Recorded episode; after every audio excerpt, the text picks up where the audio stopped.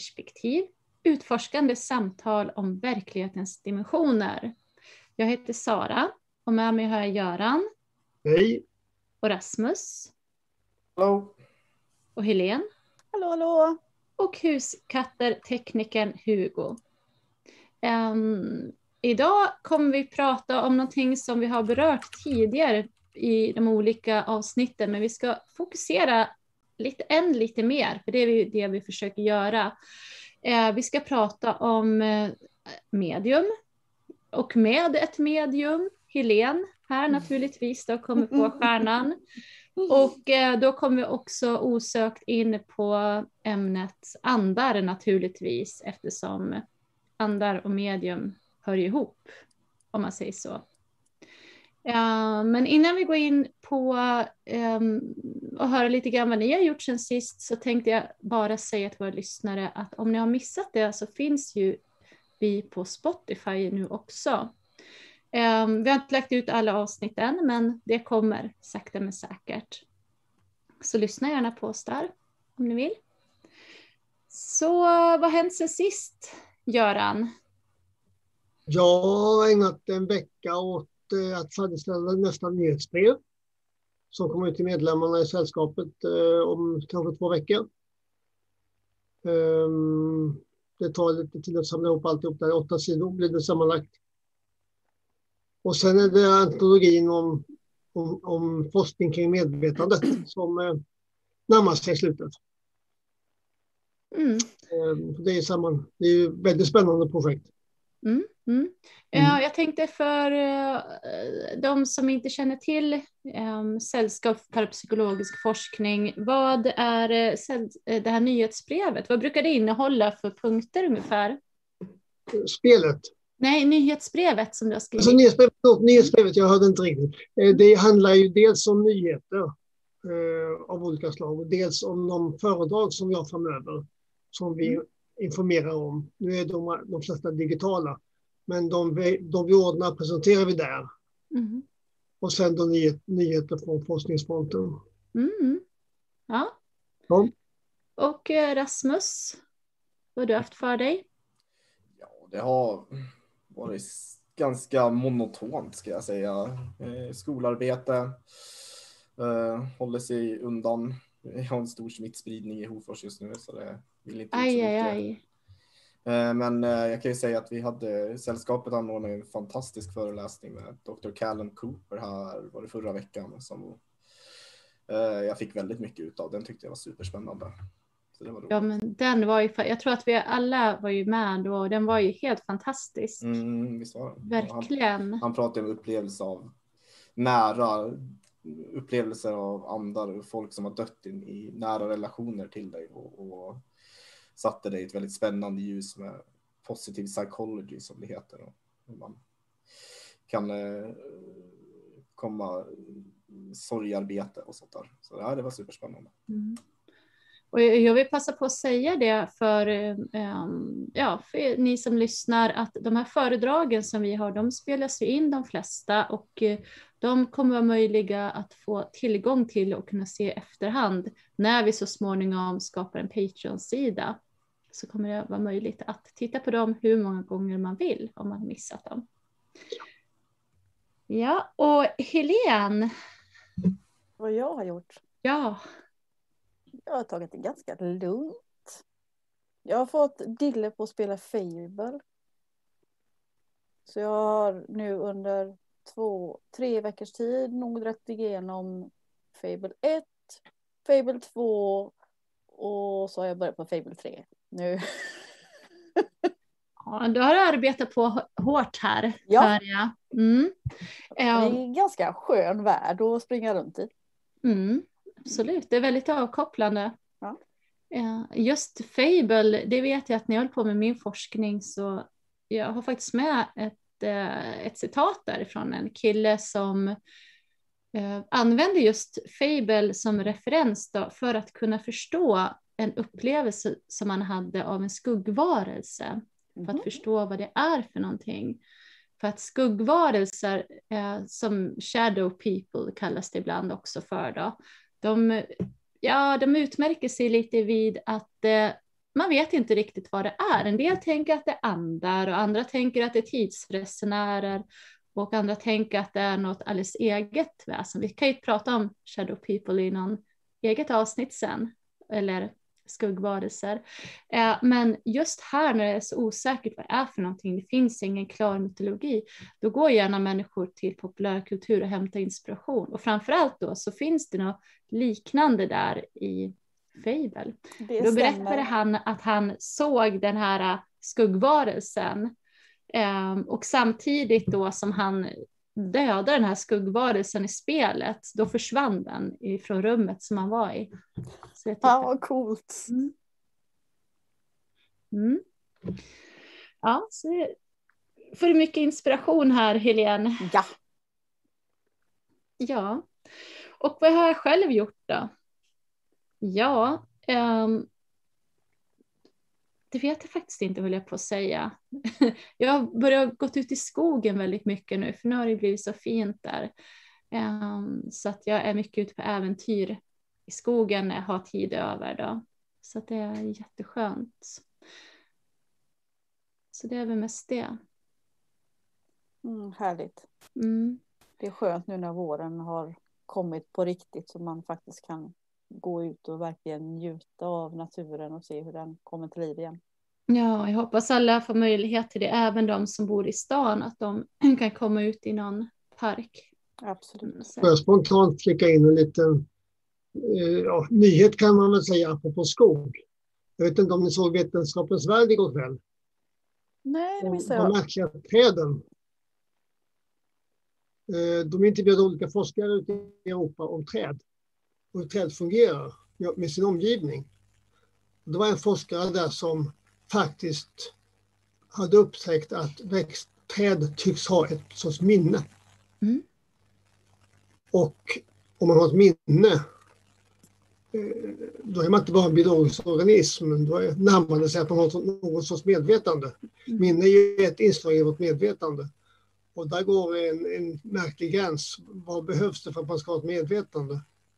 Mm. Så vi intresserar oss för medvetande på olika sätt och vi tänker oss ju mest på människan. Och djur menar vi också många har någon sorts medvetande. Men att träd och växter skulle ha det, det är många som är främmande för. Men den här forskaren var inne på att han formulerade som att träd tycks ha någon sorts minne.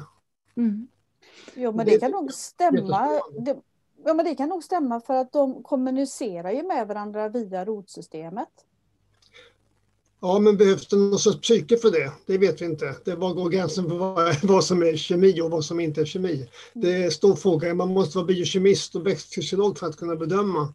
Men han använde uttrycket minne och andra psykologiska begrepp. Och eh, det noterade jag. Så I vetenskapens värld så är det ju, de är forskare, de letar efter rätt ord. Och mm. för träd och växter använder man normalt inte psykologiska begrepp som minne och inlärning. Men han, han gjorde det. Mm. Men har det inte gjorts tester på det här med växter där de har mätt eh, att de faktiskt kan känna smärta? Ja, hur man tolkar deras signaler, det är, det, det är, det är en mm. stor fråga. Är det att de känner av smärta eller någon sorts bara biokemisk reaktion? Det, det vet inte jag. Nej. Det är en gränszon där på begrepp alltså. Mm. Men att, eh, att eh, det tycks finnas eh, inslag i Mm träd och växter som tyder på att de har någon sorts ja, minne eller vad man ska kalla det för. Mm. Det var spännande nisch och de letar efter rätt ord där.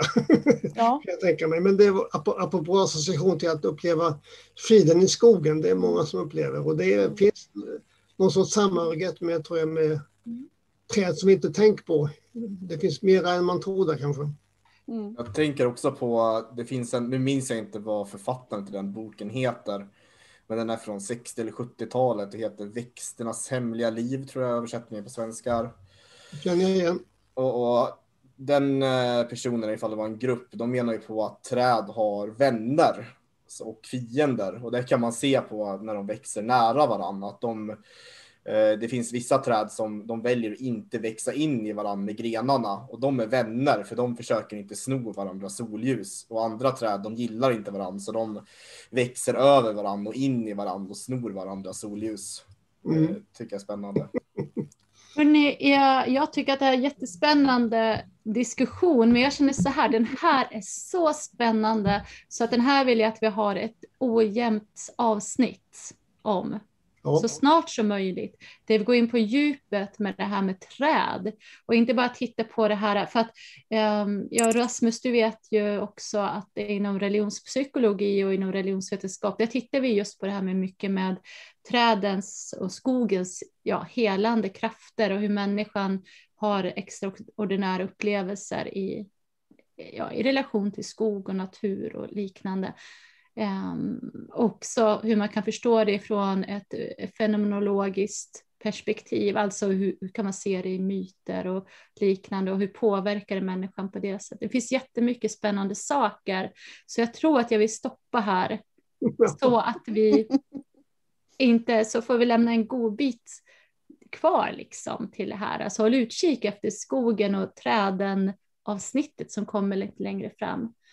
Men innan vi går vidare så vill jag själv säga att Helene, det här var inga bra nyheter för mig. Att du säger att växter kan känna smärta. Ouch. För jag är vegetarian på grund av etiska skäl. Alltså Sorry. att jag inte vill att djur ska lida. I'm so sorry. Så nu blir det jättejobbigt för mig det här. Um, Förlåt. ja. Men jag, jag tänker så här att du, om du pratar med växten innan. Så är det säkert inga problem. ja, Får- Det kommer- lite polare där inne. ja precis. Man får vara snäll, man får liksom vattna lite extra och, och sådär. Ge, ge, ge dem lite extra Ja, kärlek så innan du äter upp dem. Det är inga problem. Ja. Sen, jag känner att jag vill berätta en till sak, det också med blommor och smärta att göra, eller växter och smärta innan vi går vidare. Um, och det var ett minne från när jag var liten. Och jag kanske har nämnt förut att jag har en storebror som heter Mattias som är tre år äldre. Och eh, storebröder älskar ju att bråka med småsyskon och framförallt skrämma. Så jag vet att när jag var runt 6-7 år kanske, och vi var i vår sommarstuga, då sa han och min kusin, som naturligtvis också var äldre och var kille, till mig att, att blommor, de, de kan skrämmas, eller de kan känna av dig på riktigt. Så här. Och så övertalar, och så sa de att ta, ta ett blad ifrån den blomman och så knölar ihop det framför den och säger hur ful den är och så går du och eldar upp den i, brasan för att det är vedspis. Och varje gång du kommer komma in nu så darrar den. Så jag gjorde ju som de sa. gjorde jag. Och, det var, och jag gick in och jag tyckte att det darra varje gång jag gick in. Nå. Så att jag kände mig jätteledsen efter det naturligtvis under lång, lång tid. Mm. Det kan vara att eh, fönstren inte var riktigt tätade visserligen, men man vet aldrig. Nej, man vet aldrig. Så Göran, har du något mer forskningsnytt? Förutom det här jätteintressanta ämnet som vi kom in på. Jag kan väl onekligen eh, nämna de föredrag vi har framöver som är lite extra spännande. Eh, nästa torsdag, den, den, eh, vad blir det?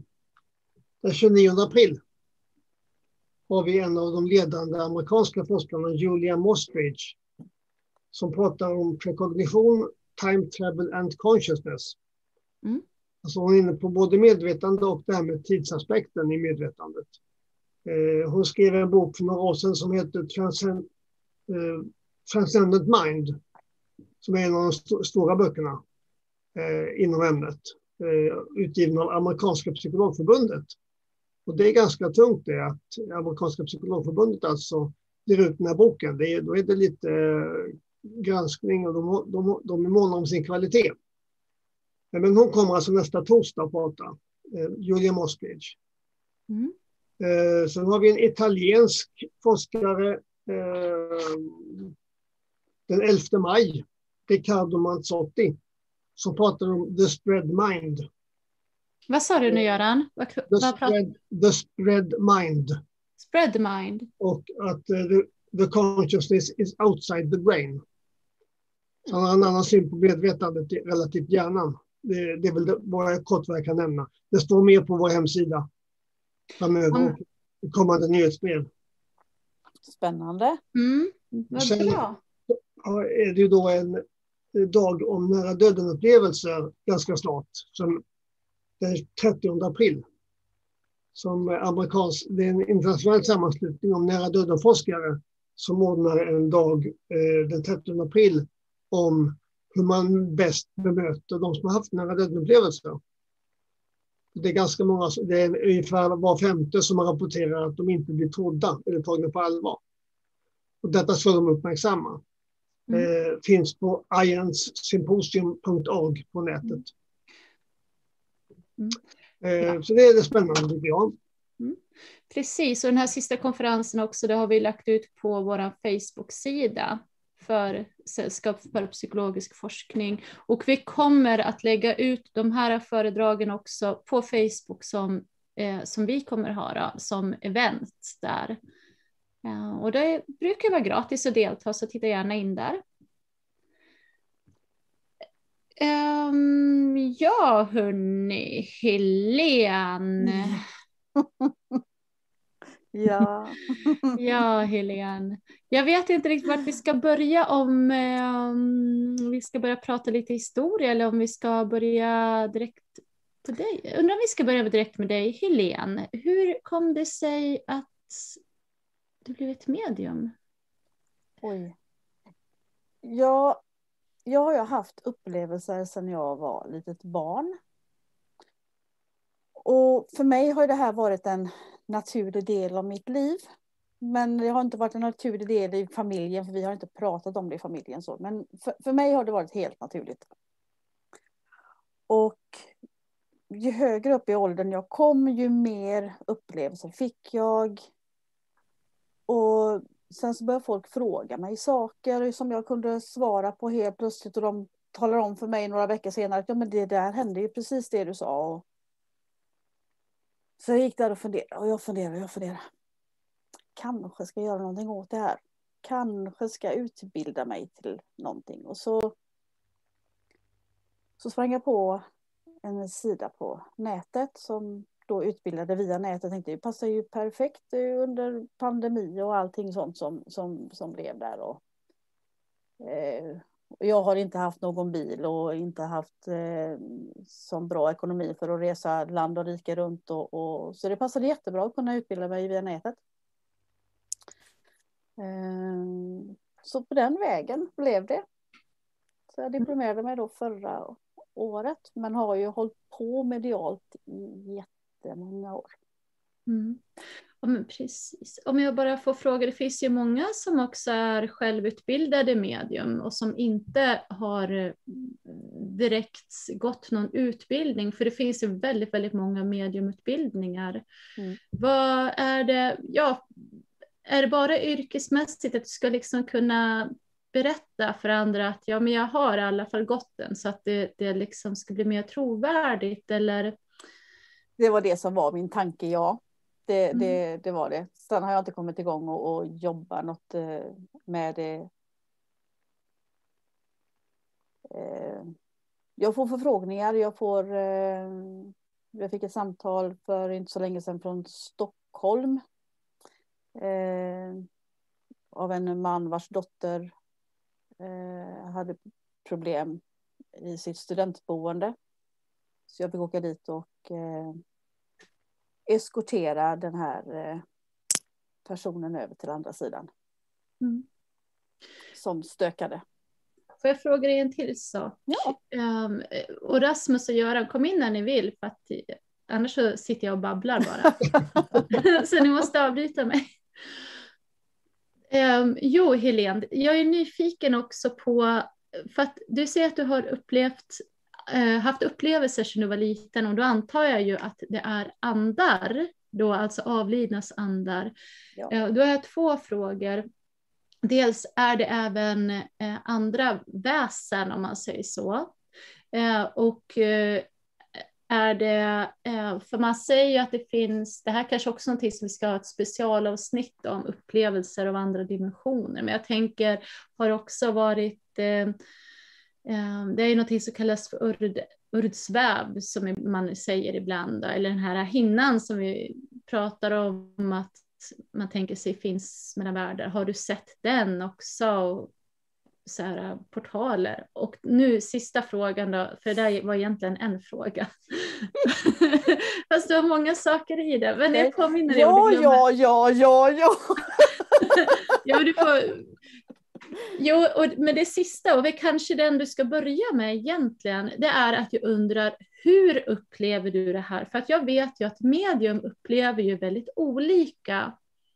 Det, um, alltså en del medium, de ser ju inne i sitt um, inre öga, om man kallar det för det, då. alltså att man ser bilder inuti hu sinnet eller huvudet. På engelska kallas det mind's eye, alltså ja, sinnets öga. Mm. Ja, tredje ögat är ju mer så här religiöst. Ja, då, men det är, jag tänker att det, det, är en term som gemene man förstår mer.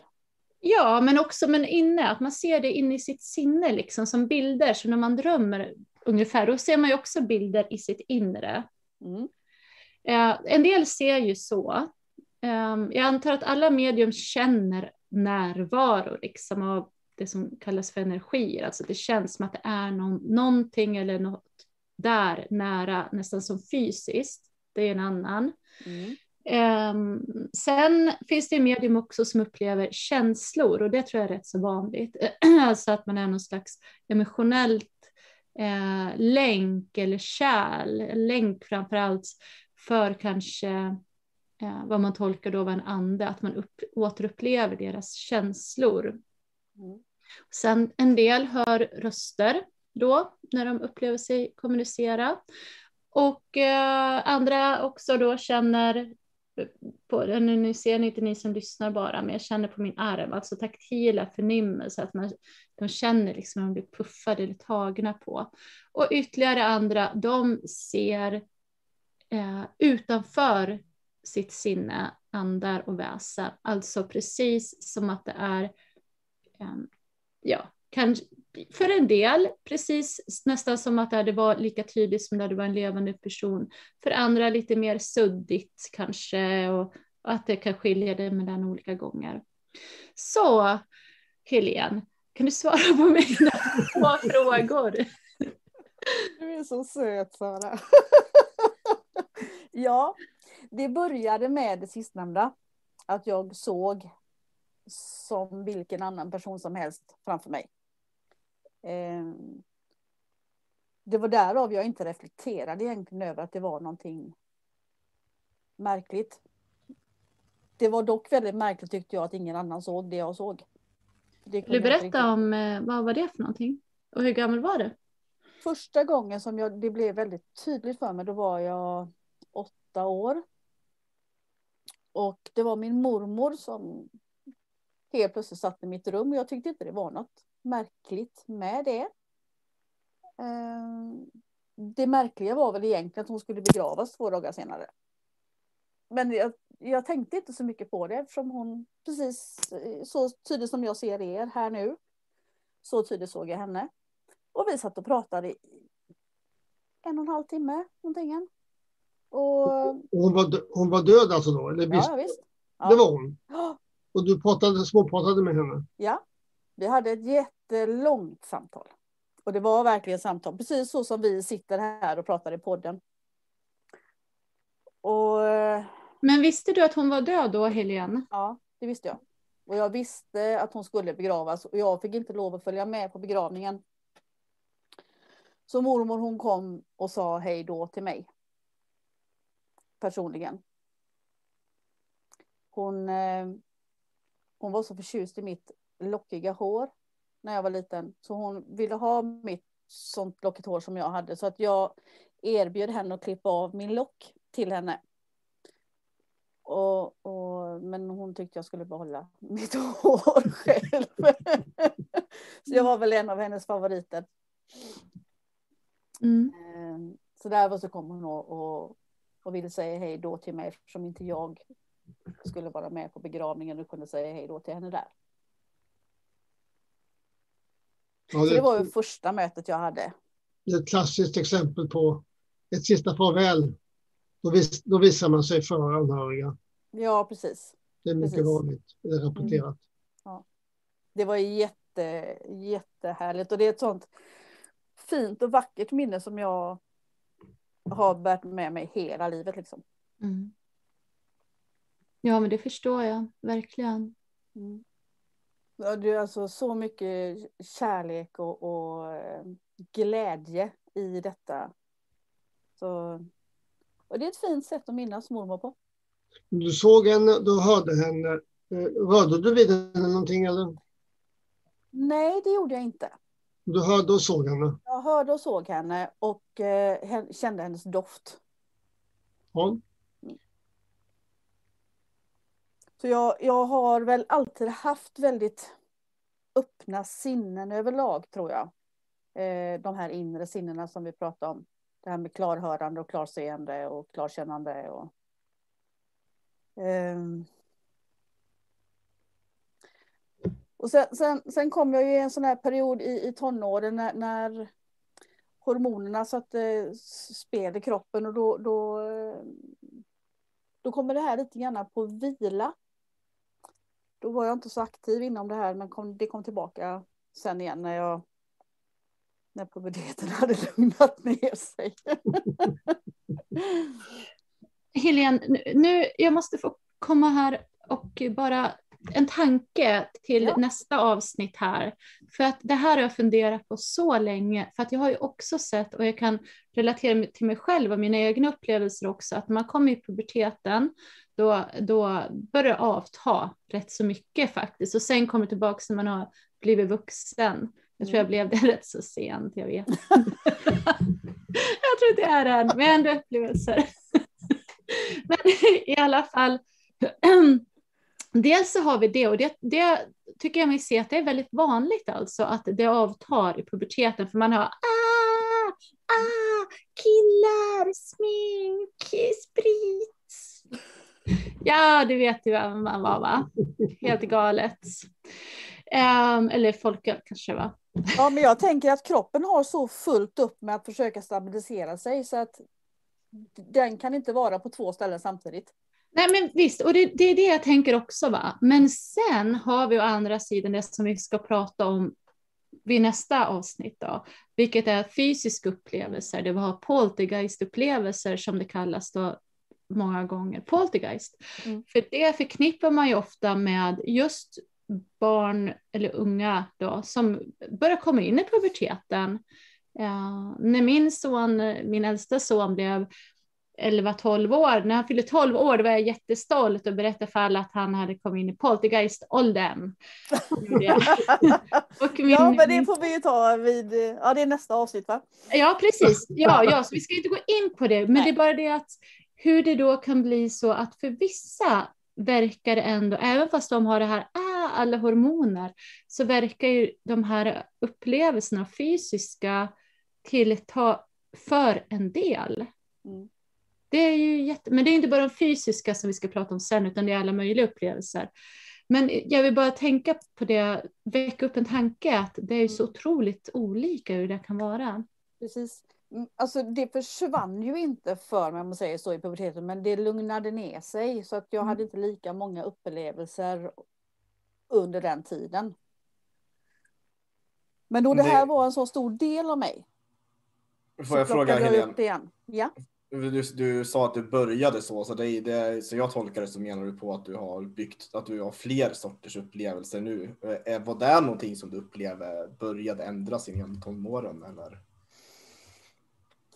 Eller när du började intressera dig mer för det sen kanske? ja för, precis som Sara säger så blev det ju en del poltergeistupplevelser under eh, puberteten. Fast jag tyckte ju det var ganska coolt va. Jag, blev ju inte, jag har ju inte vett på att bli skrämd på sådana här saker utan jag tyckte det var lite coolt. Okej, nu har vi liksom utvecklat någonting mera här. Det var mer så jag såg det. Sen författade jag inte vad det var förrän senare. Men ju me- det, det är också lite grann så här att ju mer du håller på med sånt här, ju mer utvecklar du du de här inre sinnena som du har. Ehm, så för att svara på din fråga där Sara, så jag är, jag får bilder. Jag hör. Inre bilder, alltså Ja. i ditt huvud. Ja. Ja, Mm. precis. Jag hör. Ehm, Det är alltså som att det spelas upp filmer framför mig. Ibland är det stumfilmer, men ibland så är det även med ljud. Jag känner dofter. Mm. Och jag känner känsel. Eh, De här filmerna som du ser, är det också i, i ditt inre öga liksom? Mm. Det är inte så att allting bara försvinner så att du ser det, utan för att så kan det också bli ibland, att det liksom bara allt försvinner så ser man. Mm. Det beror faktiskt lite grann på eh, i hur djup trans jag sitter. Mm. Oftast i en, om man säger så, i en vanlig sittning, så, så som vi är nu, så, så, så försätter jag mig i lätt trans och då är det i alfa. Så som vi sitter nu och pratar så är vi i beta. Men så försätter jag mig i rätt alfa-tillstånd. Eh, Helene, du får Mm. inte gå in på för tekniska saker här, för då hänger de inte med. men de det är inte så lyssnar. tekniskt konstigt egentligen. Det är frekvens, olika frekvenser. Alfa, teta, beta, delta. Men då måste du förklara vad frekvenserna, vad, vad pratar du om då för någonting? Eh, Det är olika hjärnvågor för olika medvetandetillstånd. Så mycket har jag lärt mig. Jag, har inte lärt, jag känner igen begreppen, men det är alltså olika frekvenser på hjärnvågor. Alldeles riktigt. Alldeles riktigt. Eh, delta, då är det väldigt djup. Det är så djupt så att då, då ligger vi i sömn. Eh, går man djupare än delta så är, då lever man inte längre. Det, det är väldigt djupt. Eh, det är medvetslöshet nästintill. Eh, hjärtfrekvensen går även ner, både hjärnvågorna och hjärtfrekvensen, de, de, de följer varandra lite grann här. Så att när du försätter dig i de här transtillstånden så går även hjärtfrekvensen ner för att lugna ner hela kroppen. Då. Men när du sitter och har en, en medial sittning till exempel eller en reading eller vad man nu kallar det för så eh, då är det i alfa ofta som man jobbar. Eh, men det som du beskriver här, när, när allting annat försvinner runt omkring dig, du bara är i detta, då är du i teta-frekvensen. Och det är en ganska djup, eh, djup meditationstillstånd du sitter i då. Som svar på den frågan. Tack! Tack Helene! Ja men, eh, ja, men vad bra. Vi får hoppas att eh, våra kära lyssnare hänger med oss nu på det du berättade Helene. Annars kan du väl skriva Ja, här. jag tänker att jag kan absolut att jag skriver om det eh, efteråt på vår sida. Absolut. Ja, ja, ja, men jag tänkte Mm. du, de kan ju kanske ställa frågor. Eller ja, du kan skriva om det om du vill. Ja, men det kan Ja, jag men- göra. Ja, Och sen absolut så eh, finns det frågor om det så mm, eh, bara ställ dem. mm, det, det, är, det här med, med medium också, det, det, är, eh, det betyder ju mellanled. Så att vi, vi som jobbar som medium, vi är ju en länk mellan den här dimensionen som vi befinner oss i över till de andra dimensionerna. Då. mm, Kan vara bra att veta. mm. En fråga som jag får så här, för nu, nu när vi pratar om att man sätter sig i olika, olika medvetandetillstånd så här. Eh, Då tänker jag på en annan punkt som vi har diskuterat flera gånger här och det är den här emotionella kopplingen på olika sätt. Och eh, hur, hur vidhåller man den eller behövs den inte vidhållas när man sätter sig i ett, eh, i ett annat medvetandetillstånd, en djupare medvetandetillstånd. Hur ser du på det då? Förstår du hur, vad jag frågar efter? Mm. Eh, jag behöver neutralisera mig själv för att inte jag ska blanda in mina egna energier in i sittens energier om man säger så. Den jag har en sittning med. Utan nu behöver jag bara ha kontakt med dem, de energierna som är där för att kunna få rätt budskap. I annat fall så plockar jag in mina egna och då kan jag inte riktigt hålla isär vad är vad, vad är mitt och vad är den andra personens. Mm. Så därav så måste jag vara ganska neutral. Eller jag måste vara helt neutral för att kunna ta in rätt signaler. Och det är väl en träningssak kan jag tänka mig. Det är Ja. svårt överhuvudtaget när man har att göra med människor. Även de som jobbar som vanliga terapeuter ska ju skilja på sina egna känslor och uppfatta rätt sak. Då. Och tolka sådana här saker som du nämnde, det är ju en jättekonst. Det gör man inte när man är 25-30. Det krävs ofta några års vuxen livserfarenhet för att kunna upptäcka vad man känner själv och vad man uppfattar från omvärlden. Absolut. Absolut. Behöver ju Jag- ha Jag den fick ved... bara avbryta och säga här innan vi går för långt. En sitter, det är alltså en som anlitar dig, Helene, Ja. för att få svar på frågor eller kontakt med någon avliden eller liknande. Och en sittning, det är alltså ett, ett tillfälle då, det är det det kallas, det här tillfället när man är med mediumet. Ja. Jag vill bara berätta det, för att eh, ni får tänk, vi får tänka på det hela tiden, att det är människor också som lyssnar som aldrig hört talas om det här förut. Så att vi, Det är jättebra. Det är jättebra att du går in och förtydligar.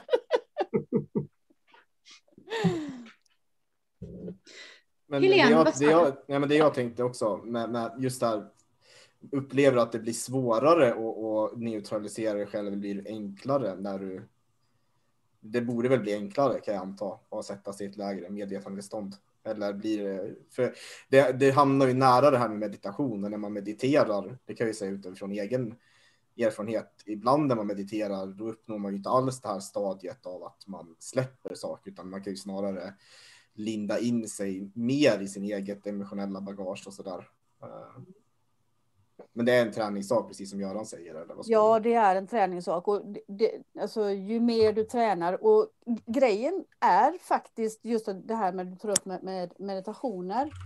Ju mer du mediterar, ju lättare har du att kunna försätta dig i de här olika transtillstånden. Du har mycket lättare att gå över i alfa eller teta då för, för att få djupare kontakt med andra sidan. Och det gör du just genom meditation. Mm. Ja men vad bra, då har vi klarat av äh, hjärnvågor. och lite Ja, men det är meditation. jättespännande. Ja, ja men absolut är det det. det. Det tycker jag att det verkligen är. Och som sagt var, jag, jag vill påminna också om att medium upplever då det på olika sätt. Så att det som är för en gäller inte för en annan och liknande. Eh, Rasmus, har vi några frågor i chatten? Nej, det är lugnt i chatten. Är det det? Mm. Så, men det är ni som tittar, ni, ifall ni har frågor, skriv gärna så tar vi upp dem här. Jag kan, Ja. apropå hjärnvågor så vet jag att eh, ett av våra främsta medier i Sverige, Terry Evans, han hade möjlighet att mäta på hjärnvågor när han eh, åkte till Kina och eh, gjorde forskning med en av våra svenska forskare, Hans Liljeström. Eh, de hade ett samtal, för det är för tre, fyra år sedan tror jag, i vår regi. Där eh, Hans Liljeström berättade om sin forskning av Terry nivåer vad det gäller hjärnvågor. Det var mycket spännande föredrag. Deras Terry egen erfarenhet jämfördes med hjärnvågorna. Jag tror det finns på vår poddkanal. Eller ett, ett av programmen går att titta på vår poddfliken på hemsidan. Mycket givande eh, jämförelse. Mm. Mm. Ja, han har ju hållit på några år. Vad är det, 50 år eller någonting va? Ja, Mm. Um, Helene, om vi går tillbaks till eh, andar då. Mm. Är det ungefär som det är i, på tv? Jag tänker den här tv-serien The Ghost Whisperer. Med, vad heter hon då? Hon med långt hår. Mm. Ehm, Ja, vad heter hon? Ja, vad heter hon nu då? Eh, Järnslätt. Sandra Bullock? Nej. Nej! Galet, det är inte hon. Nej, Jag kommer inte ihåg vad hon heter, Ja. men Ghost Whisperer. Ehm, det blev, var ju en väldigt känd serie. Jag tror att det gick säkert i åtta, nio säsonger eller liknande.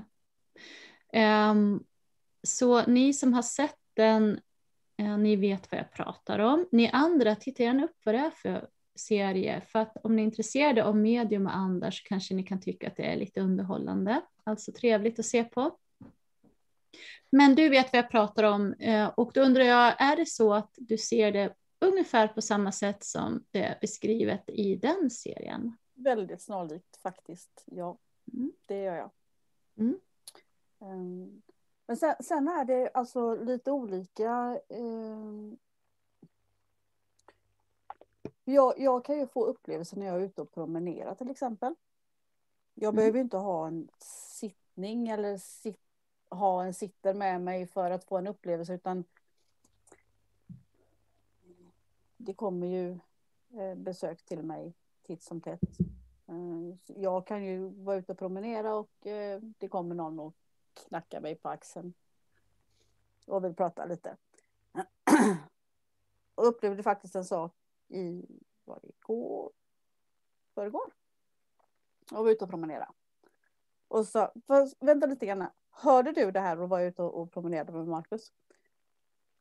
Nej. Men så, såg du någonting här? Nej. Men hörde du det här? Eller såg du detta? Säger Då har han haft en, alltså en annan upplevelse. Exakt samtidigt som mig. Fast jag upplevde ett djur på min eh, eh, vänstra sida och han upplevde en kvinna på sin högra sida. Mm. Alltså Marcus, det är din ja, man? Ja, precis. Mm, och han är också medial? Mm, och hur eh, står det till hemma då med två mediala personer? Och det är jättespännande. Ja, Inte en lugn stund. Har ni många intressanta samtal och um, ja, träffar? Ja, det har vi. Jättemånga intressanta samtal. Mm. Det, det, är också ganska skönt för när jag har en upplevelse så kan jag förklara den och han förstår. Och vice versa då. Det är väldigt skönt. För jag tänker att många som har en upplevelse kanske inte blir trodd på. Och det är väldigt jobbigt. Det är en otroligt jobbig känsla att inte bli trodd på. För att för mig är upplevelsen väldigt verklig och då tänker jag att det är väldigt många av våra lyssnare som, som, som upplever samma sak. Mm. När du har en upplevelse så är den verklig för dig. Mm. Och då är det väldigt jobbigt att inte bli trodd på. Jag har ju en otrolig tur att faktiskt bli trodd på.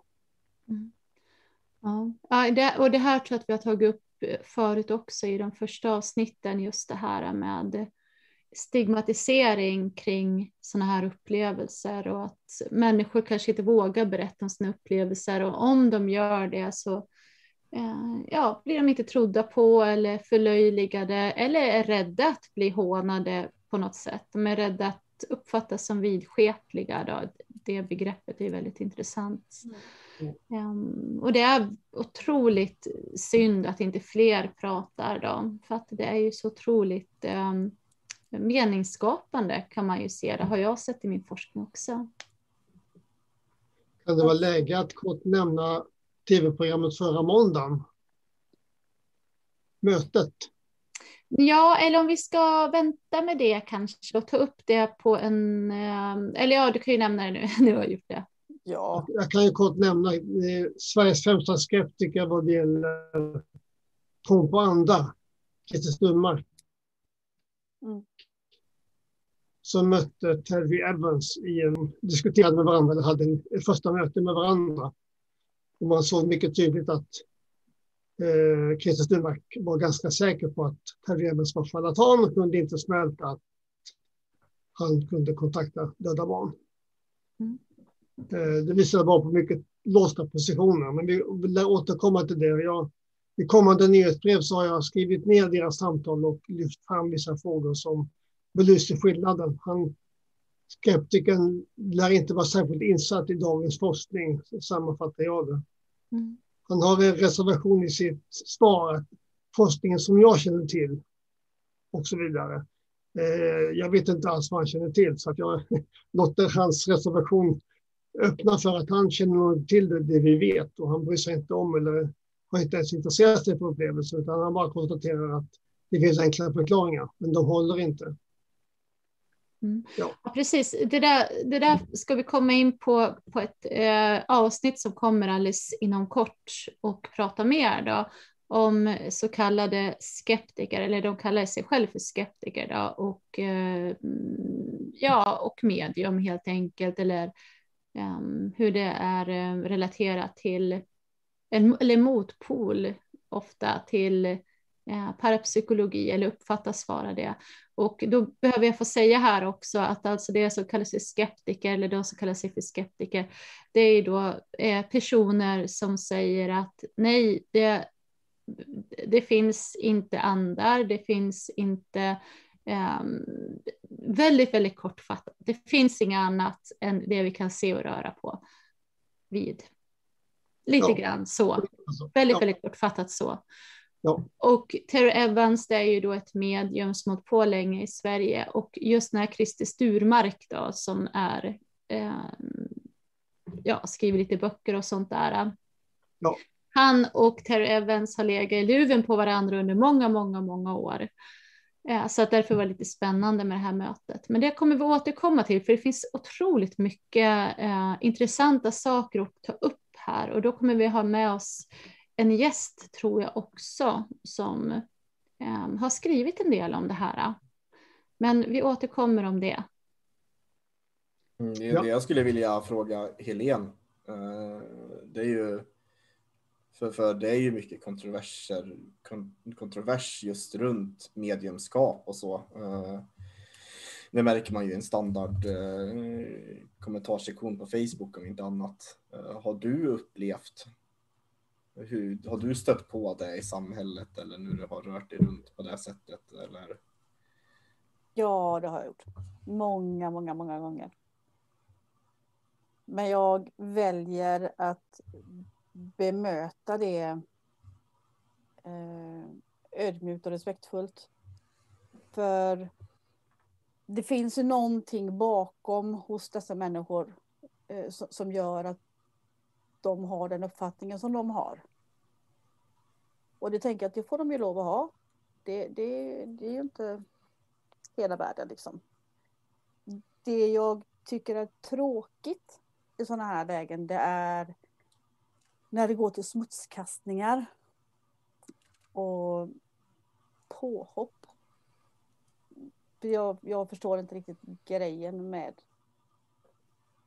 med det. Man ska kunna ha en konversation utan att eh, gå till personangrepp tycker jag. Men jag, jag har råkat ut för. Mm. En annan sak som jag skulle vilja återkomma till som vi vidrörde här med men jag skulle vilja veta mer om. Uh, det är det här du sa att du upplever ungefär som i, i, i den här Ghost Whisper. Nu var jag ung när jag såg den här sist med. Men eh, det är liksom du för riktiga konversationer på det här sättet. För jag vet i andra eh, beskrivningar från andra medier så är det ju mer liksom lösryckt på det sättet. Så att man får någon form av ett budskap, hör vissa ord eller får någon stränga bilder eller någonting sånt där. Men du skulle säga att du har, kan ha riktiga samtal på det sättet då? Mm.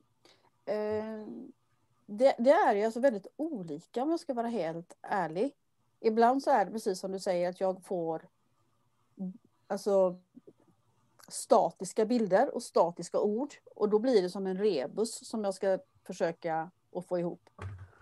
Och löser jag inte rebusen så fortsätter det komma fler bilder och fler ord tills jag faktiskt har löst vad det är anden på andra sidan vill ha sagt.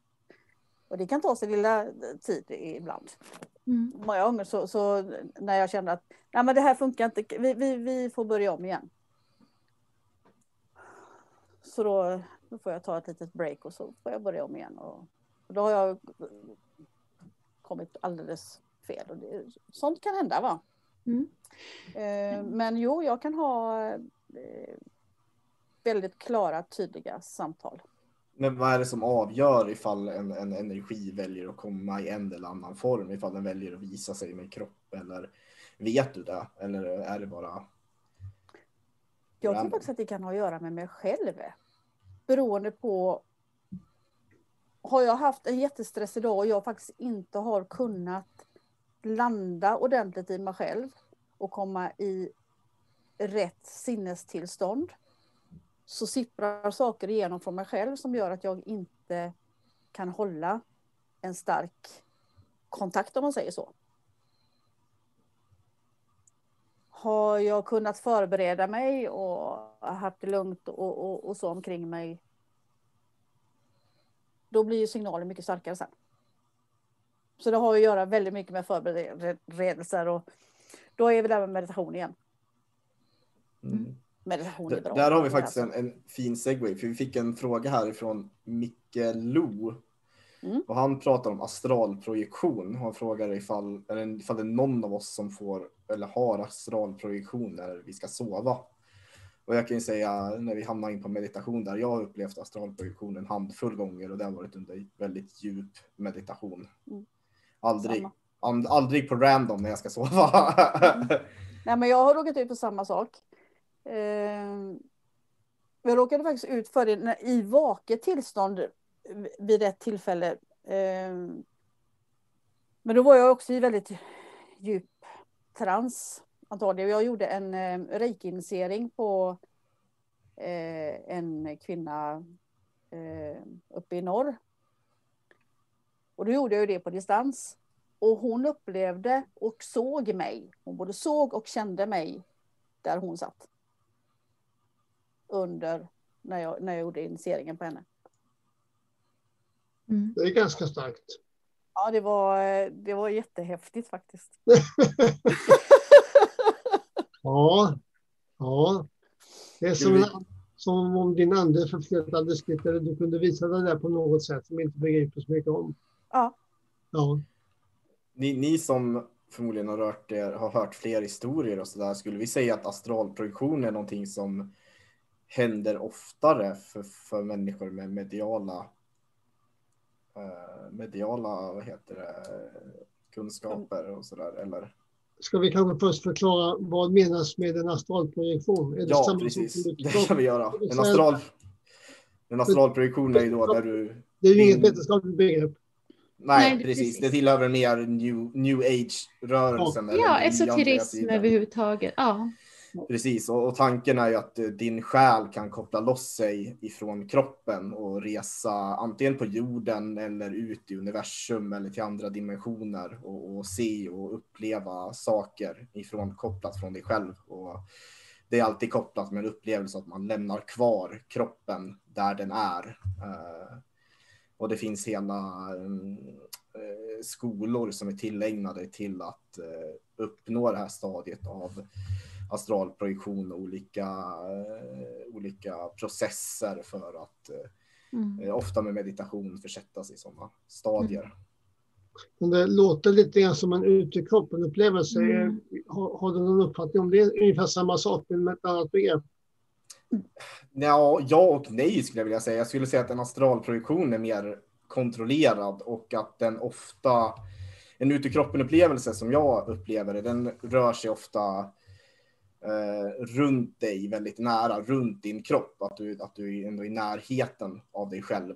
Eh, Medan en astralprojektion brukar handla om att du hamnar väldigt, väldigt långt bort, ibland i helt Mm. det finns historier om folk som beskriver hur de hamnar i andra galaxer eller helt andra dimensioner och sådana där grejer. En Mm. annan sak som är eh, som jag vill återkomma till, det är just det här med kontrollen, att din ut ur kroppen upplevelse, det händer ju ofta eh, vid drastiska saker, kanske lite som vid nära döden upplevelser, att du eh, sådana saker. Medan en astralprojektion, där har du också ett begrepp, man, man kopplar fast sig, eftersom den är mer kontrollerad så kopplar du fast dig själv både i jorden och i dig själv med någonting som man brukar beskriva som en, eh, en silverkedja eller en silvertråd som man det blir mer som en resa, att du ser till först att den är på plats. man Alltså du, in- Rasmus, du menar att man tänker att den Man- finns man där, tänker man sig- ser det i sitt inre... Precis, man, i, Öga. i, i meditationen så eh, ifall de som har gjort vanliga avslappningsmeditationer de kanske vet att man brukar gå igenom kroppen och avslappna varje del. Och på ett liknande sätt så går du igenom ditt sinne. Och, och, och, och i den så blir det här som en del av din astralkropp, brukar det kallas. Och den här silverkedjan sitter fast i dig så att du kan återvända och inte gå vilse. Så ja, de är snarlika, men jag skulle vilja säga att det är en, en viss skillnad ändå. Mm. Ja, um, någonting här också som jag vill förtydliga det är ju att uh, det är ju inte riktigt, men det är bra förenklat ändå, det här med att det är själen som lämnar, utan det är mer det att man tänker sig att det är en del av själen som lämnar, att det finns ju någonting kvar i kroppen. Um, eller hur? Ja, ja, jag skulle vilja säga att du lämnar helt. Det är därför det är viktigt att du vill sätta fast dig med den här kedjan, för att annars så menar man på att du kan gå så pass vilse så att din kropp mm. dör är tanken då, eller att du, att du blir utan sinne. Sen ifall det är själen eller sinnet är ju lite, ja det är ju ingen exakt vetenskap det här, så det kan också bero lite på vem du frågar, eh, skulle jag vilja mm. säga. Mm. Vi kanske har olika lager i vårt psyke om man går till Jung och hela djuppsykologin. Vi har olika lager och olika begrepp. Så att, eh, vad som är vad, det vet inte jag. Det är, det är en stor djungel av begrepp och jag, jag är inte särskilt insatt i det. Men jag vet ju ungefär hur utekroppen-upplevelser låter. Och jag vet ju att astralprojektion är ett begrepp som förekommer inom new age. Och det kan finnas likheter, det kan finnas skillnader. Och I viss mån beroende på hur man upplever kontrollen som du säger Rasmus. Mm. Precis, en annan mm. grej som jag kan tillägga ofta händer med astralprojektion är att man träffar olika former av lärare, mästare eller andra varelser. Jag ser i kommentarerna här så skriver Micke Lo att han själv har träffat utomjordingar på det sättet och det är ett väldigt återkommande eh, tema att man träffar olika former av annat medvetande eh, när man gör det här, vilket inte alls är så det finns säkert vissa som säger det inom utomkroppen upplevelser också, men det är ju inte ett vanligt förekommande tema på det sättet. Mm.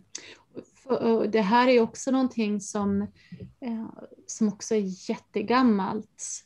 Eh, det här är alltså då att man upplever sig lämna kroppen för att färdas till andra verkligheter eller andra dimensioner för att få kunskap ifrån förfädrar eller olika väsen och liknande. Jo, Bland annat så höll man på med... Och, och eh, våra nordiska vulvor till exempel. Ja, precis. Det var vulvorna jag tänkte på ja. här, då, hur de satt på, på de här äh, ställningarna då och mm. äh, kom i den här transen och väl kan ses som några av våra första kända medium faktiskt. Ja. Och sen har det liksom fortsatt och, och ja, brukar du mm. också lämna kroppen på det där sättet. Ja, det, det, det händer att jag gör. Mm.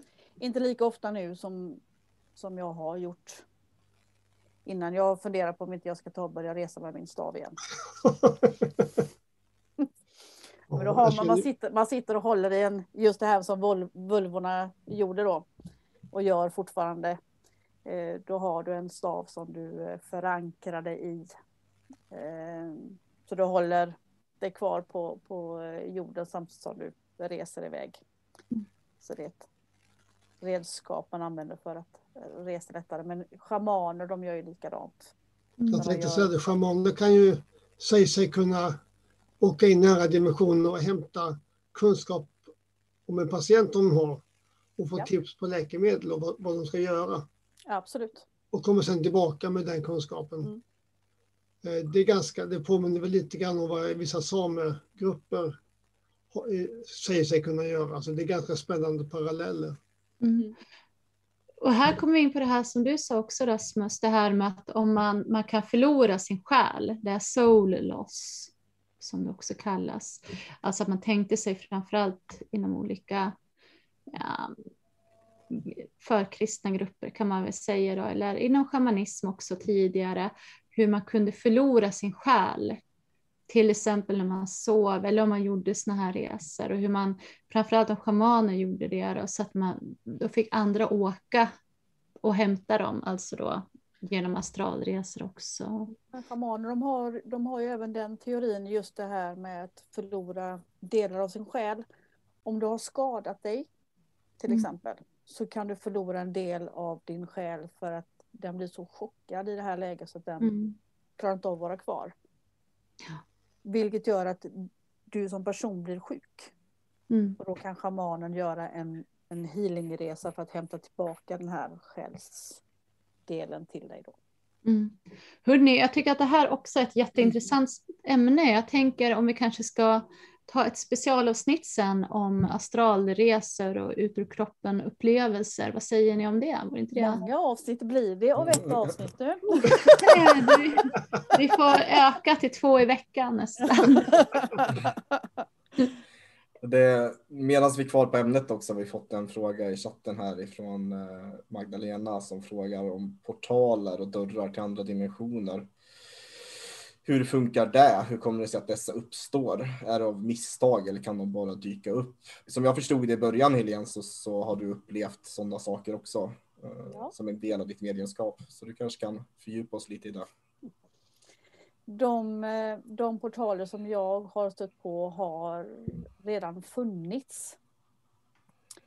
Hur de har uppkommit har jag faktiskt inte riktigt bra koll på. Jag har dock kunnat stänga dem.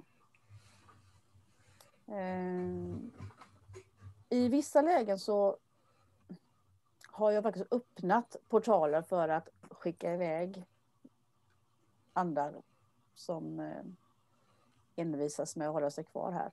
Så har jag öppnat portaler för att skicka iväg dem och så stängt igen. Eh, men varför vissa portaler existerar, ja, det kan vara, vi har varit inne på det här förut med kraftplatser på olika ställen i jorden där, eh, där det går lejlinjer och, och sånt där det är extremt hög energifrekvens. Och där kan det samlas och komma in eh, från andra dimensioner. Då, då, nu, nu har jag, jag har två frågor här egentligen. Ja. Den första är väl, äh, vi tar dem en och en. Den första är, hur gör du när du öppnar en portal själv? Får jag ställa en kompletterande fråga till den? Hur ser det ut? Ser du det här eller utanför och är det någon dimmig eller ser du ingenting utan känner bara? Ni vet hur det ser ut i vatten när, när det kommer en regndroppe.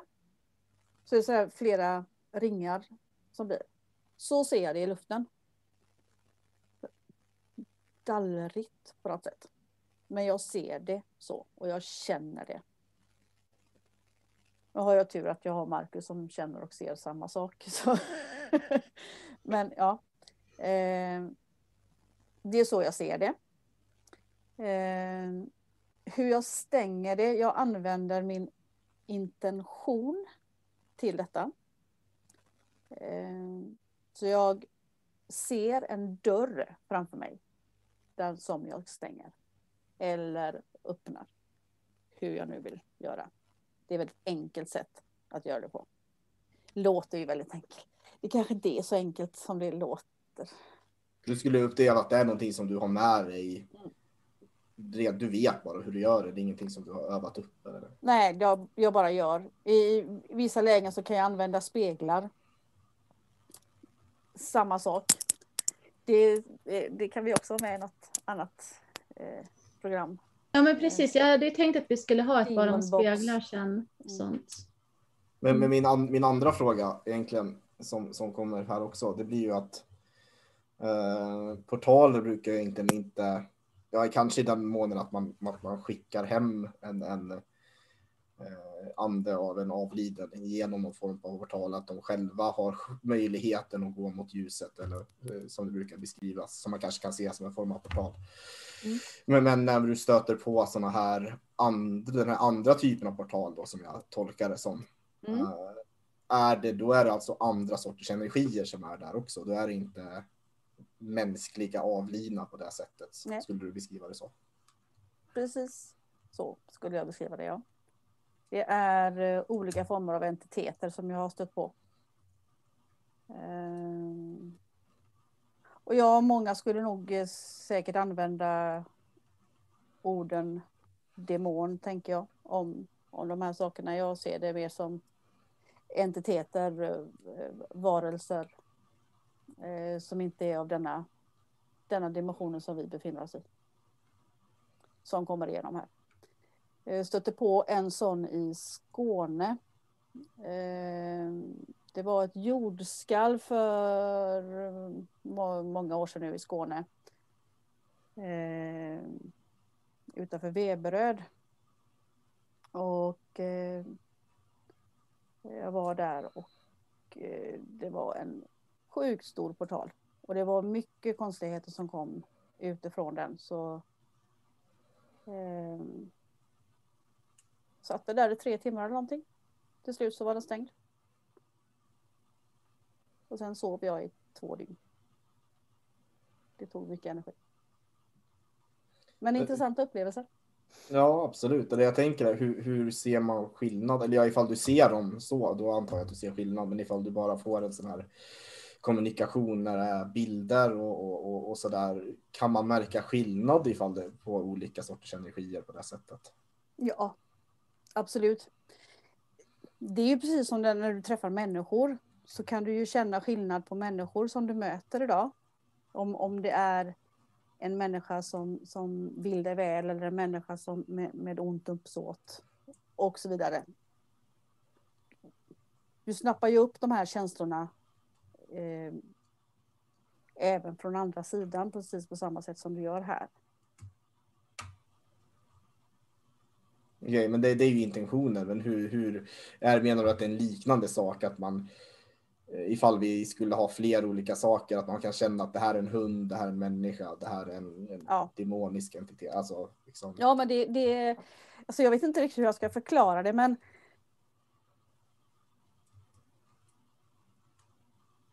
jag ser hunden. Mm. Och jag känner doften. Eh, jag ser människan. Och sen så ser jag en varelse av något slag. Och de kan se, alltså jag ser det väldigt tydligt. Och det är helt olika jag ska säga, frekvenser på de här energierna också. Det, de här varelserna som jag stöter på som då är, inte är en, en avliden eh, släkting eller vän eller någonting sånt. De, de är mycket större i sin energi än vad människan är. De är eh, det är helt andra former av färger, dofter, ljud och sånt som kommer ifrån de varelserna. Det är som olika dialekter skulle man kunna säga. Ja, faktiskt. Eller språk, språk kanske till och med. ja. Det, det här är också lite konstigt för att de kan ju inte, jag hör inte orden från dem utan de får de kan egentligen bara kommunicera med mig med bilder för att jag förstår inte vad de säger. Överhuvudtaget. Jag har försökt. Det går inte. Utan det blir bara genom bilder. Mm.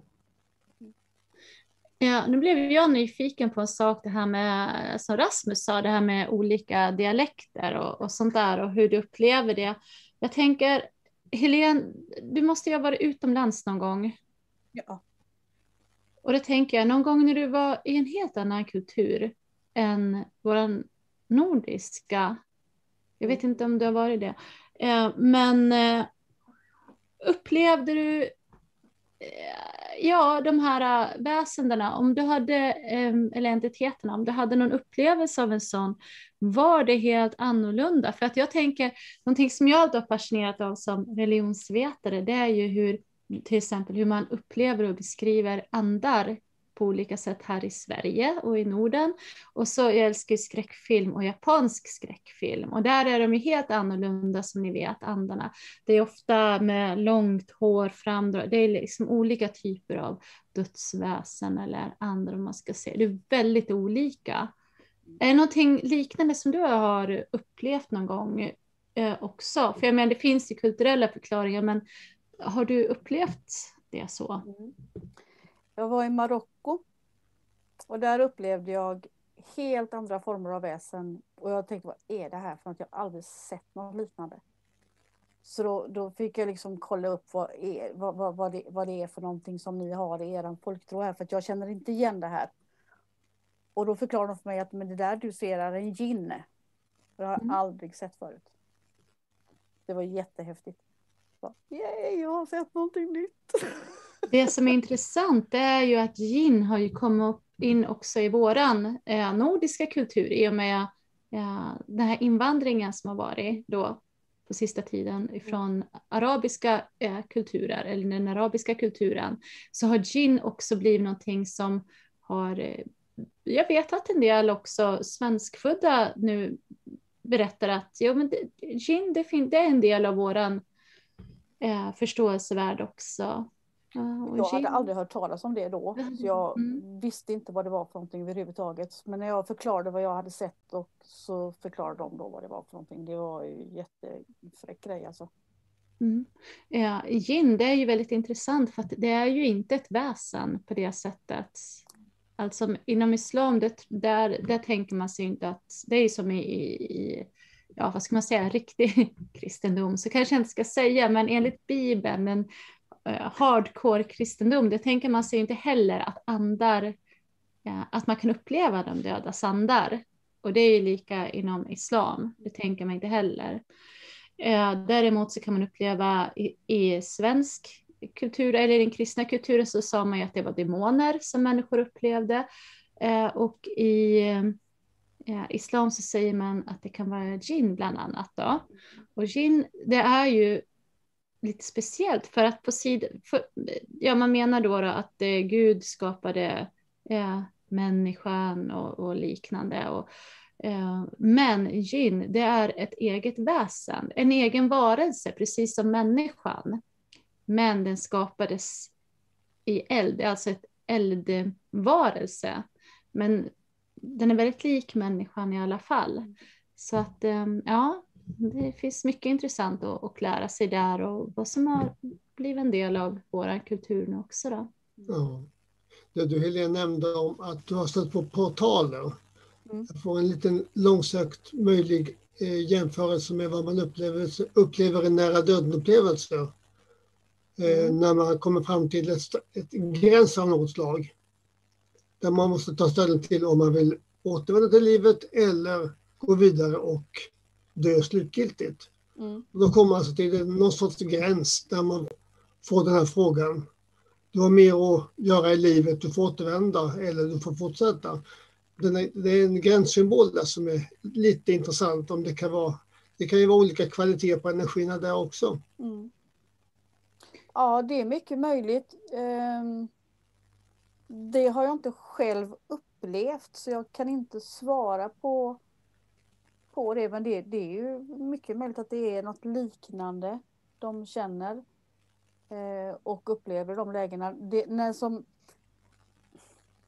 när jag har eh, ska föra över andra på andra sidan och jag ska föra över dem genom ljuset så öppnas ju en ljusportal som inte inte är riktigt på samma sätt som de som jag ser ute i naturen. Utan det här är, det, det är som ett stort ljusklot bara som de går emot. Jag själv blir bländad många gånger av det. Så jag, jag får ibland vända bort blicken för att jag, jag blir jättebländad. Eh, men de jag ser ute i naturen, då ser jag ju ändå naturen igenom det här dallret. Ni vet, ni vet eh, på somrarna när det är sådär jätte, jättevarmt och det dallrar i luften ovanför eh, asfalten. Typ så. Ja. ja.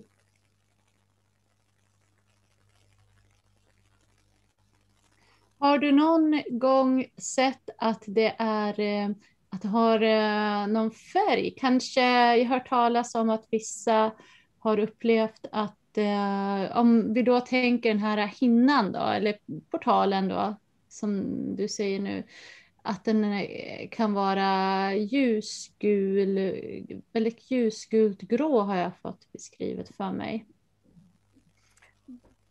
Nej, jag kan inte påstå att det är någon... De är mer transparenta de här, de som jag har stött på mm. faktiskt. Men jag tänker att det kanske är olika också. Eh, vi är ju olika människor, vi, vi, vi har uh, olika bakgrund så vi upplever ju saker väldigt mm. unikt mm. utifrån hur vi är själva som personer. Mm. Det är en fråga som jag måste fråga Helene. Och det är ju någonting som jag känner är en väldigt viktig fråga och som ja, många tar upp och som vi kanske skulle ha tagit upp tidigare, men jag känner att vi måste ta upp den här. Och det är att eh, vad tror du att det, eller hur tolkar du att det, vissa medium um, ibland helt enkelt har fel?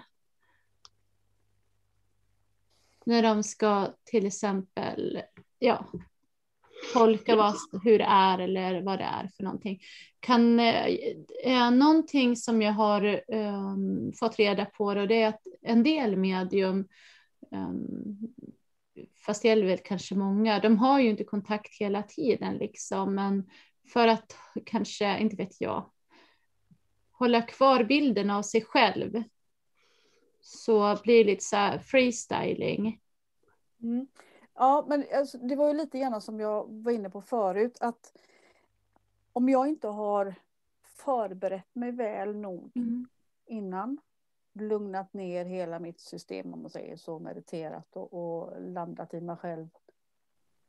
Är jag fortfarande kvar i någon form av stress som jag har haft under dagen så har jag, kan jag inte hålla den här energin, för det är ganska hög energi och du, du, den, den, den kostar på att hålla under en längre tid. Och är jag inte tillräckligt stadig i mig själv, om man säger så, eller lugn och, och tillräckligt grundad och så vidare, så då kan jag inte hålla den energin speciellt länge. Och då kan det lätt bli så här att man plockar in egen påhittat. Mm. Bara för att man tror att man håller energin. Nu känner jag ju själv att jag inte håller den och då säger jag det. Så pass ärlig måste jag ju vara som medium och mm. säga att nu har, jag, nu har jag inte kvar kontakten längre så jag får backa lite grann och så får jag börja om från början igen. Och mm. så pass ärlig måste man ju vara som medium tänker jag. Mm. Ja men det, det låter väl eh, som ett bra svar för de som funderar just över den frågan, för det tror jag kanske är en del. Någonting annat som jag tänkte på, det var det här som vi pratade om ja, när vi pratade om ESP och vi pratade om får och getter. Kan det vara så också att det är personen eller personerna i rummet medan du då gör en avläsning som det ibland kallas, alltså att man, nej inte avläsning, vad, vad kallas det för när man, jo men det kallas väl avläsning. När man läser av personer och andar och hela situationen eller? När jag har en medial sittning tänker du? Ja men precis. Mm, mm. Mm jag har jag en skeptiker mitt emot mig så eh, såklart då blir det tuffare att hålla energin, absolut. Det blir det och det har jag råkat ut för. Och då kan det, det kan komma igenom det mest märkliga saker. Eh, det är inget fel i det som kommer in. Eh, men det har ingenting med den personen att göra. Utan det är andra som passar på att komma in istället då, bara för att de ser en öppning om man säger så. Och här är det någon som öppnat upp, här kan vi komma in och köta lite grann. Eh, även om de inte har någon koppling till den här personen, då blir det helt tokigt. Och då kan det vara så att jag har en get framför mig. Ja. Om man nu ska använda det uttrycket. men det är klart att vi har, vi har så olika sorters utstrålning. Särskilt om man är öppen eller stängd i de här avseendena. Mm. Det blir andra energier och det märker man ju. Även om man är intresserad av parapsykologi så märker man på personer att vilken utstrålning de har. Ja. Och jag är närmast benägen att tro att det är vår aura de känner av också. Det här på, hela vår personlighet påverkar vår aura och hur vi uppfattas och upplevs. Absolut. Ehm, så det finns ju faktiskt forskning kring aura också som vi kanske kommer komma in på. Det hör ihop med får och jätte och medialitet, det tror jag. Mm.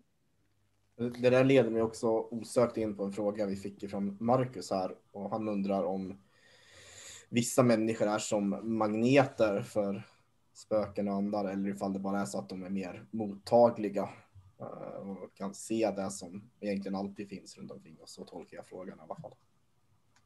Jo, men det finns. Eh, eh, vissa människor har eh, någon väldigt märklig eh, dragningskraft när det kommer till det här med andra som faktiskt drar till alltså, magnetism. Så. Eh, det gör det. Varför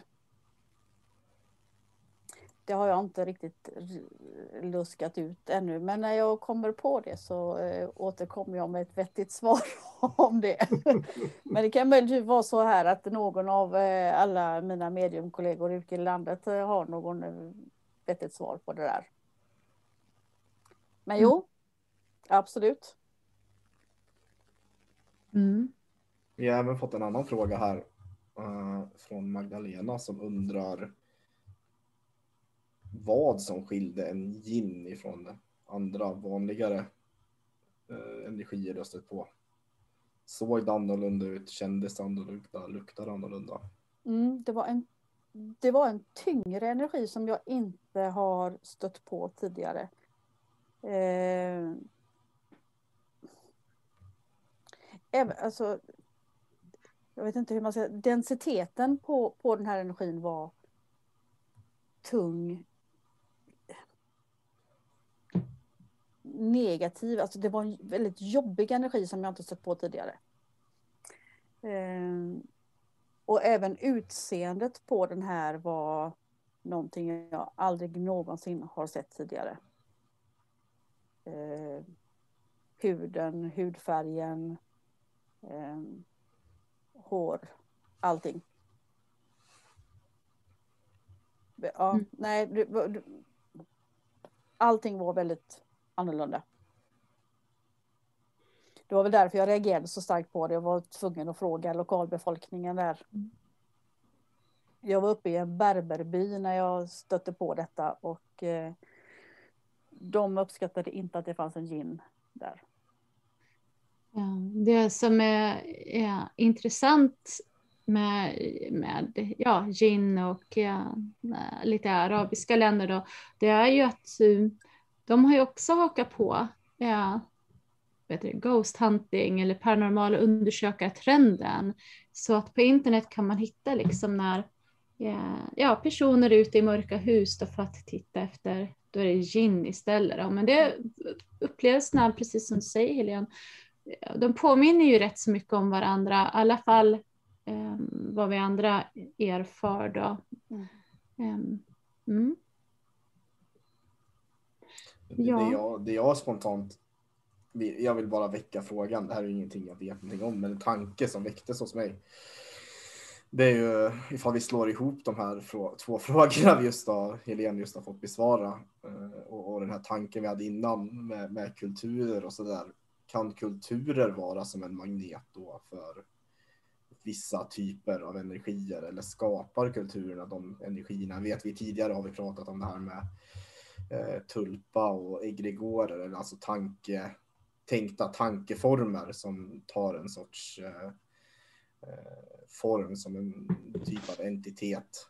Eh, och där tycker jag det är en väldigt spännande tanke eh, som i slutändan kanske skulle gå att faktiskt forska på med rätt förutsättningar och rätt, eh, rätt eh, maskineri och sådär och kunna mäta de här. Jag skulle kunna tänka att man skulle kunna mäta de här tankeformerna ifall det faktiskt blir riktiga entiteter. Mm. Spännande Rasmus. Mm, ja, men det, det kan nog vara så. Eh, jag tänker också att det är nog säkerligen kulturellt betingat väldigt mycket. Utifrån vad det är för ord vi har i våran kultur, vad vi har för känslor i våran kultur, hur vi upplever saker i våran kultur så, eh, så blir de här olika väsen beskrivna på olika sätt. Mm. Och det kan ju vara så att så som jag upplevde den där så har jag plockat upp det gemena som fanns, det, det som fanns i samhället om man säger så. Att, att det är det jag har plockat upp i den här entiteten som jag upplevde Mm. där. Så kan det mycket väl vara. En, Man en just- gång, är ju- ja, förlåt. Förlåt. Eh, Det jag ska veta kort bara, att man har ju sett när man har tittat på vad det som kallas för hemsökta platser då, att eh, det ofta är ju kulturellt eller också eh, platsspecifikt. Och ett exempel som jag brukar ta upp är att man inte brukar se skogsväsen till exempel i kyrkor. Däremot så kan man se munkar och nunnor eller gamla präster där. Då. Det kan man ha haft upplevelser av. Då. Men du kan se troll utanför kyrkorna. Eh, Utanför, Jaha, utanför kyrkogårdarna kan du se troll. Ja, ja. Men det är de som har kastat stenar efter kyrktornen. Nej, det är jättarna. Det är jättarna som har gjort det. Ja. Det jag tänkte var att ännu, ännu en gång, vi har redan berört det en gång det här programmet och typ alla tidigare program också, men ännu en gång så är vi väldigt in och nosar på det här området med Jungs kollektiva medvetande, någon form av sån modell i alla fall, med ett kollektivt medvetande. Eh, kanske väldigt lokala kollektiva medvetanden skulle man kunna säga i det här fallet då. Där. Eh, Ja. och det skulle som, som, som ifall jag förstod det rätt så menar ju du på då att det, din upplevelse kanske snarare färgades av, av det kollektiva medvetandet i det området eller den, Precis. eh, Ja, Ja. precis. Exakt. de andra, alla, liksom, de, majoriteten runt dig formade din upplevelse. Ja. Jag, jag tror att det kan ha varit så. Spännande hörni, det här måste vi utforska vidare känner jag verkligen. Och det är snart dags att vi tar upp lite grann om jungiansk psykologi och synkronicitet och det kollektiva omedvetna och allt det här. För att vi tar upp Jung så mycket, alltså Carl Gustav Jung och eh, hans tankar kring psyket helt enkelt. Men eh, vi har inte gått in på det riktigt så jag tror vi får lov att göra det snart. Vi har ju en given gäst där så småningom. Susanne Mm. Ginter som har doktorerat på Jung och likheten och kommunikationen med en av de främsta kvantfysikerna. Mm. Fysikens värld och Jungs djuppsykologi, det är en jättespännande. Mm. Eh, Där kommer man in på mycket spännande saker. Ja, men precis. Vi kanske ska försöka få hit henne så snart som möjligt då. Kan vara så. Mm. Ja. Hörni, jag tänker att nu börjar det bli dags att avsluta det här kalaset. Eller vad vi ska kalla det. Den här trevliga stunden som jag ser fram emot eh, varje vecka. Att få träffa er alla och samtala med er. Tiden bara springer iväg när vi sitter så här. Ja, men visst gör den. Ja. Eh, Jag tror vi varit inne på det förut, men vi skapar väl vår egen lilla dimension här när vi sätter igång streamen. Ja. Ja, och vi kanske ska berätta för eh, vår lyssnare också, om inte redan har gjort det, att vi förbereder oss ju inte till de här avsnitten faktiskt. Utan eh, vi vill ha upplevelsen av att det är ett samtal helt enkelt, där vi alla lär oss av varandra på olika sätt. Um, så att det är därför det ibland kanske blir tyst någon gång och det blir lite hattigt fram och tillbaks. Och det är lite så vi vill ha det för att det ska, vi tänker att det är den här bästa programformen helt enkelt. Så hörni, är det någon som vill säga någonting? Följ oss gärna på Facebook. Gilla gärna Youtube-kanalen. Vi håller på och det finns ett avsnitt uppe på Spotify, men det kommer komma fler. Vi kommer nog komma upp på något fler podcast eh, ställe snart också. Så, och interagera gärna med oss när vi sänder live här eller skriv kommentarer på Youtube eller så där. Det är jätteroligt att eh, läsa och ta till sig eh, vad ni tycker där ute i landet. Mm. Eller så skriver ni frågor under på vår Facebook-sida eller Instagram-sida. Ja, Vi vill gärna ha massor med kontakt med er. ja, absolut. Absolut. Och vi har många spännande projekt på gång. Så eh, var nyfikna och eh, ha utforskande samtal ni också med varandra och med oss på de här medierna. Och ifall ni verkligen är intresserade så kan ni ju gå med i sällskapet för parapsykologisk forskning. Mm. Absolut. Det vill vi gärna.